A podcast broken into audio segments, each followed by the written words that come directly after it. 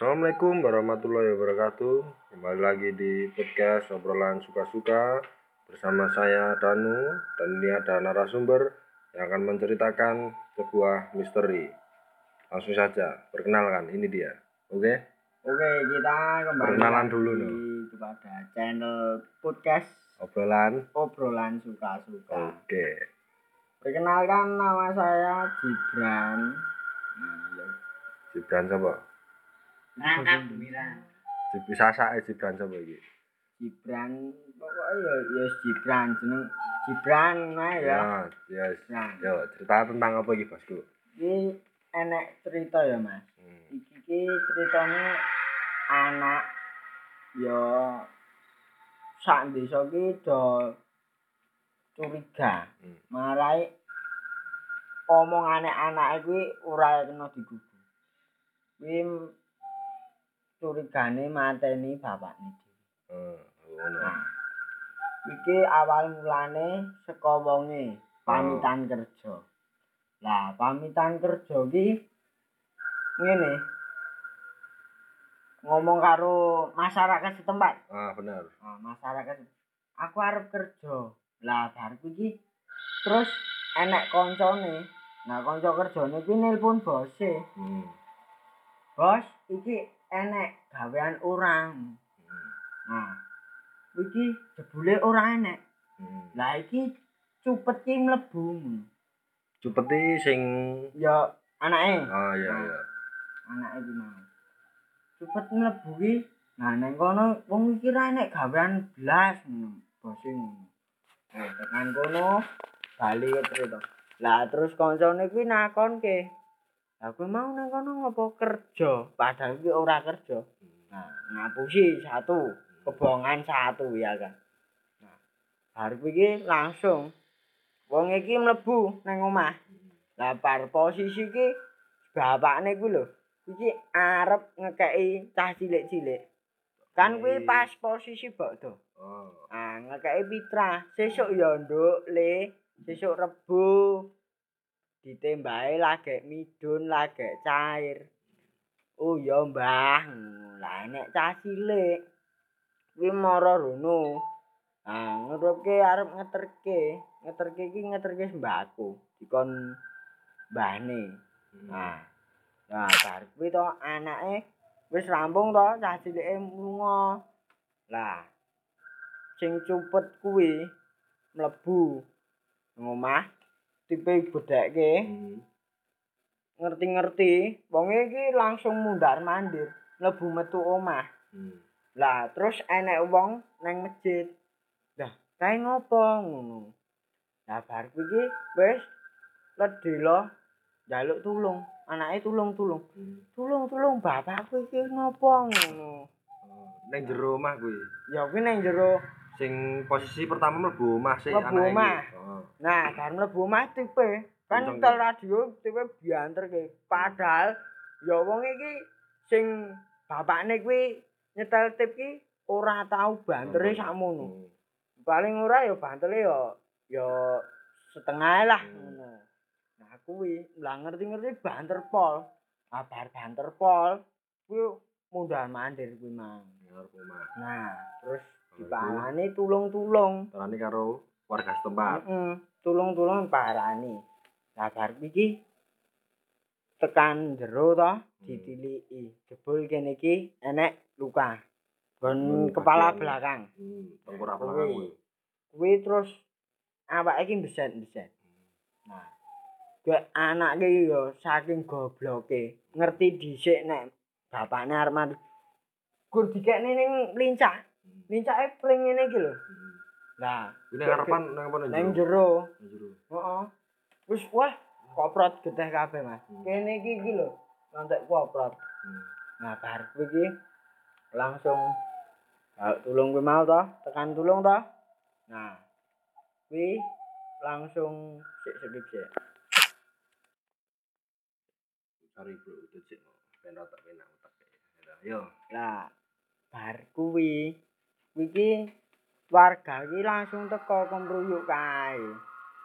Kemruyuk mara ya wis gendang gek didusi ngono to, disuceni. Lah bar kuwi iki anake kuwi ya pertama posisi ngedusi nang sikil. Hmm. Lah bar kuwi malah pas posisi sadurunge ngedusi kan digotong. Anake kuwi nutupi luka kene, men warga ki ora ngerti. Oh, oh. Nek kuwi ki luka, pasal butahe kocor-kocor to. Nah, didusi, bar didusi. Anake posisi kan nang sikil mau. Hmm. Nang sikil ki langsung pindah nang dhuwur, dadi nang sirah. Sirah ya ditutup meneh. Pas kuwi bapakne ki ngomong, "Ah, ah ngono kae, Mas." Ya intine isih Bisa ana Napas, nyawone. nah. Oh. kuwi. Lah bar kuwi kok enek sing krungu. Eh, lah iki urung no, urung tinggal. Hmm. Lah, padahal getahe metu kuping barang kuwi, Mas. Oh. Lah bar kuwi diadusi to, wis rampung. Terus dikuburke. Nah, dikuburke kuwi posisi anake nang weteng. Hmm.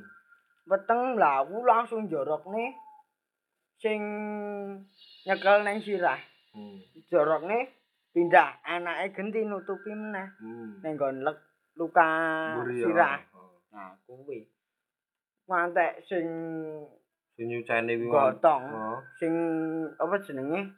Duduk-duduk ya intine sing nguburke lah. Oh. Kuwi pambine nganti koprot getih kabeh. Neng ngisor kuwi ya, kuwi ya getih kocor-kocor. Nah, bar kuwi langsung iki kok kaya ngene, kaya ngene ada kejanggalan saka cerita anake kuwi, saka ngapusine anake kuwi beda karo asline. Ya kuwi langsung nang polisi. Warga iki do Lapor. lapor. Pak, kok enek kejanggalan, enek kejanggalan ngene. Nah, Posisi kuwi wis dikubur. wis bar dikubur. Lah bar kuwi Wah, mosok ya arep diduduk meneh ngono kan. Oh. Arep diotopsi. Oh. Nah, kuwi mosok ya arep duduk meneh ngene-ngene. Oh. Terus ra sida. Lah, kuwi padahal wis do. Lah, polisi anu kuwi mau, kuwi langsung warga nek jelaske.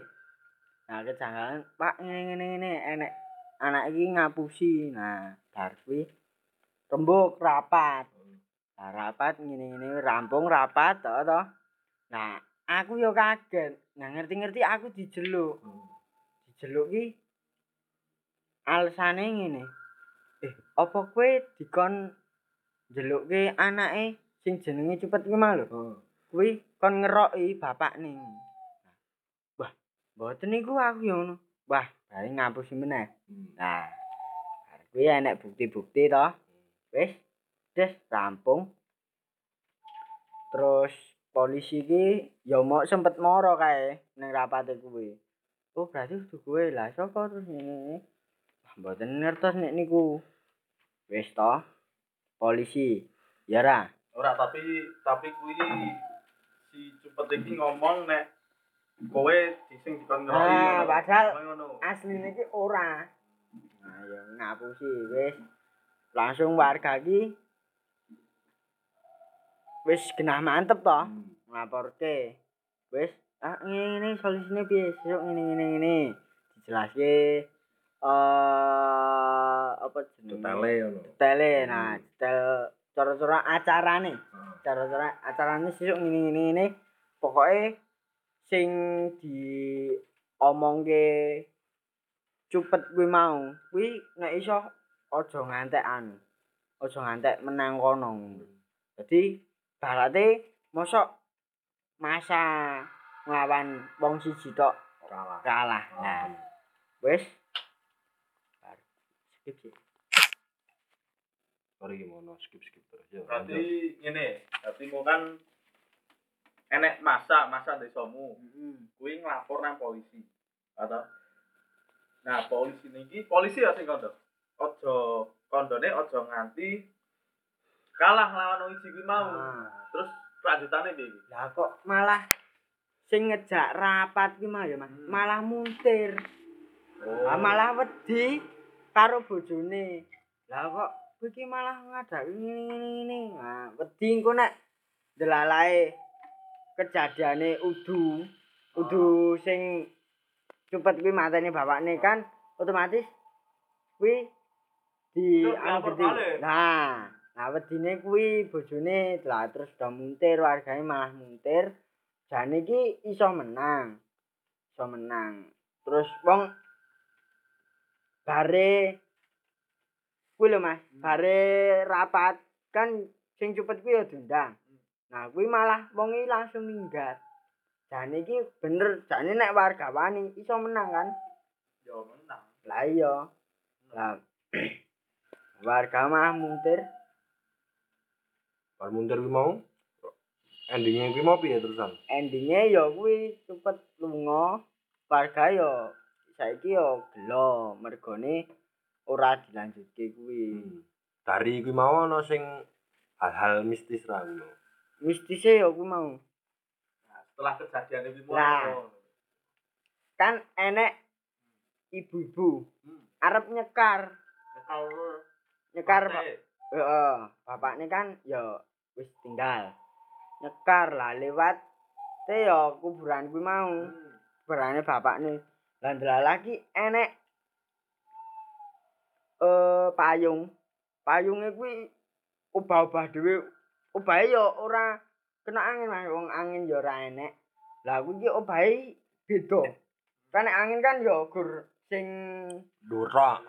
lah Oh, iki kabeh. obah ngene gebeng-gebeng ngono kan. Beter lah. Beter.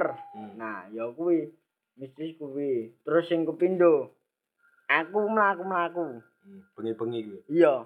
Kuwi Sekitar sampiro. delalae pas Jumat Kliwon. jam Jumat Kliwon Jam? jame jam 09.00. Hmm. Kunjul loro. Hmm. Lah, aku lewat ning sanduk omahe. Omahe sing tinggal kuwi. tinggal kuwi. Kuwi des arep ngampiri koncoku. Lah kok ngerti-ngerti ki ya mbuh kuwi bener sing tinggal kuwi apa udu aku ora ngerti kan. Hmm. Nah, aku iki lewat le ngono. Wah. Kuwi mau sapa aku ya ngono. Aku takon karo koncoku. Lah kuwi mau sapa aku? Sik dilek ngetan ulon kok ya ora enek. Aku mlaku ngetan nang arah anu. Tapi pas nguri iki kowe matraine apa? Apa? Matraine apa apa suara? Ora Mas. ya apa suarane hampir hampir ya 90% mirip karo sing tinggal kuwi. Lah aku main nang kono kok enek eh klambi putih terus ya jubahan kaya Hmm. jubah putih. Hmm. Iki buat ngono lho Mas, kaya Oh. kilat. Oh. Nah, aku iki mlayu nang kuburan. Lah aku terus karo kancaku ngejak wong siji kas. Ayo parani yo aku yo ngono. Hmm. Lah kuwi rono nang kuburan. Enek apa aku? Lah bilang tekan kuburan kok ora enek apa-apa aku yo. Lah bar kuwi terus mulih. Tekan kono kok yo diluri meneh. Di diluri meneh. Seminggu. Eh, seminggu punjul sedina. Hmm. Sak bare kuwi. Kuwi diluri neh. Le kuwi wingi ngopo? Koncoku neng kebon sing arah kan ngetan aku mau. Nah, neng Ah. kebone kuwi. Lah kuwi kuwi mau Kebon iki posisi karo omahe kejadianmu ndi? eh let rong omah. Betul omah. Oh ya, ya. Nah, ya kuwi. Kuwi kuwi wingi ngopo? Sing dianu kancamu. Koncoku. Oh. Tapi Langsung. mat kuwi, mat wujude apa suara to? Suara tok, Mas. Ya kuwi. Ya semenjak ke kejadian kuwi kan warga mau gelo. Hmm. Ya Intine ngono kuwi mau. ya Sing hal-hal hal-hal mistisnya ya kuwi mau sing Hmm. tak critake kuwi mau. pesan dan kesannya apa iki tinggo Ora, para tapi apa nanti saiki kan kejadiannya setahun kepungkur kan Iya. kuwi iso ana teror teror eh ora teror sih enek mistis meneh ora sing nanti saiki Nanti saya ini ya alhamdulillah wis ora Mas. Ora ono. Wis enek. aman berarti aman yo wis aman. pesan pesannya Sana ya kuwi mau apa anak nek dadi anak ki ya aja ngantek nganu bapakne. Ya nganu Dalam bapak arti? ibu dalam arti aja ketegel. Lah saiki wong tuwa wae ngrawat awak dhewe ora ngantek. Ora duwe rasa lelah lah Hmm. ibarate ya ora. Jadi yo awak dhewe nek iso yo bales eh, kebaikan wong tuwa. Wih, pesan kesane Pesan-pesan. untuk Mas Gibran Street. Oke. Oi Terima, kasih untuk Mas Gibran sudah mampir di obrolan suka-suka. Untuk kesan-kesan saya ya. Masih pandemi. Itu saja.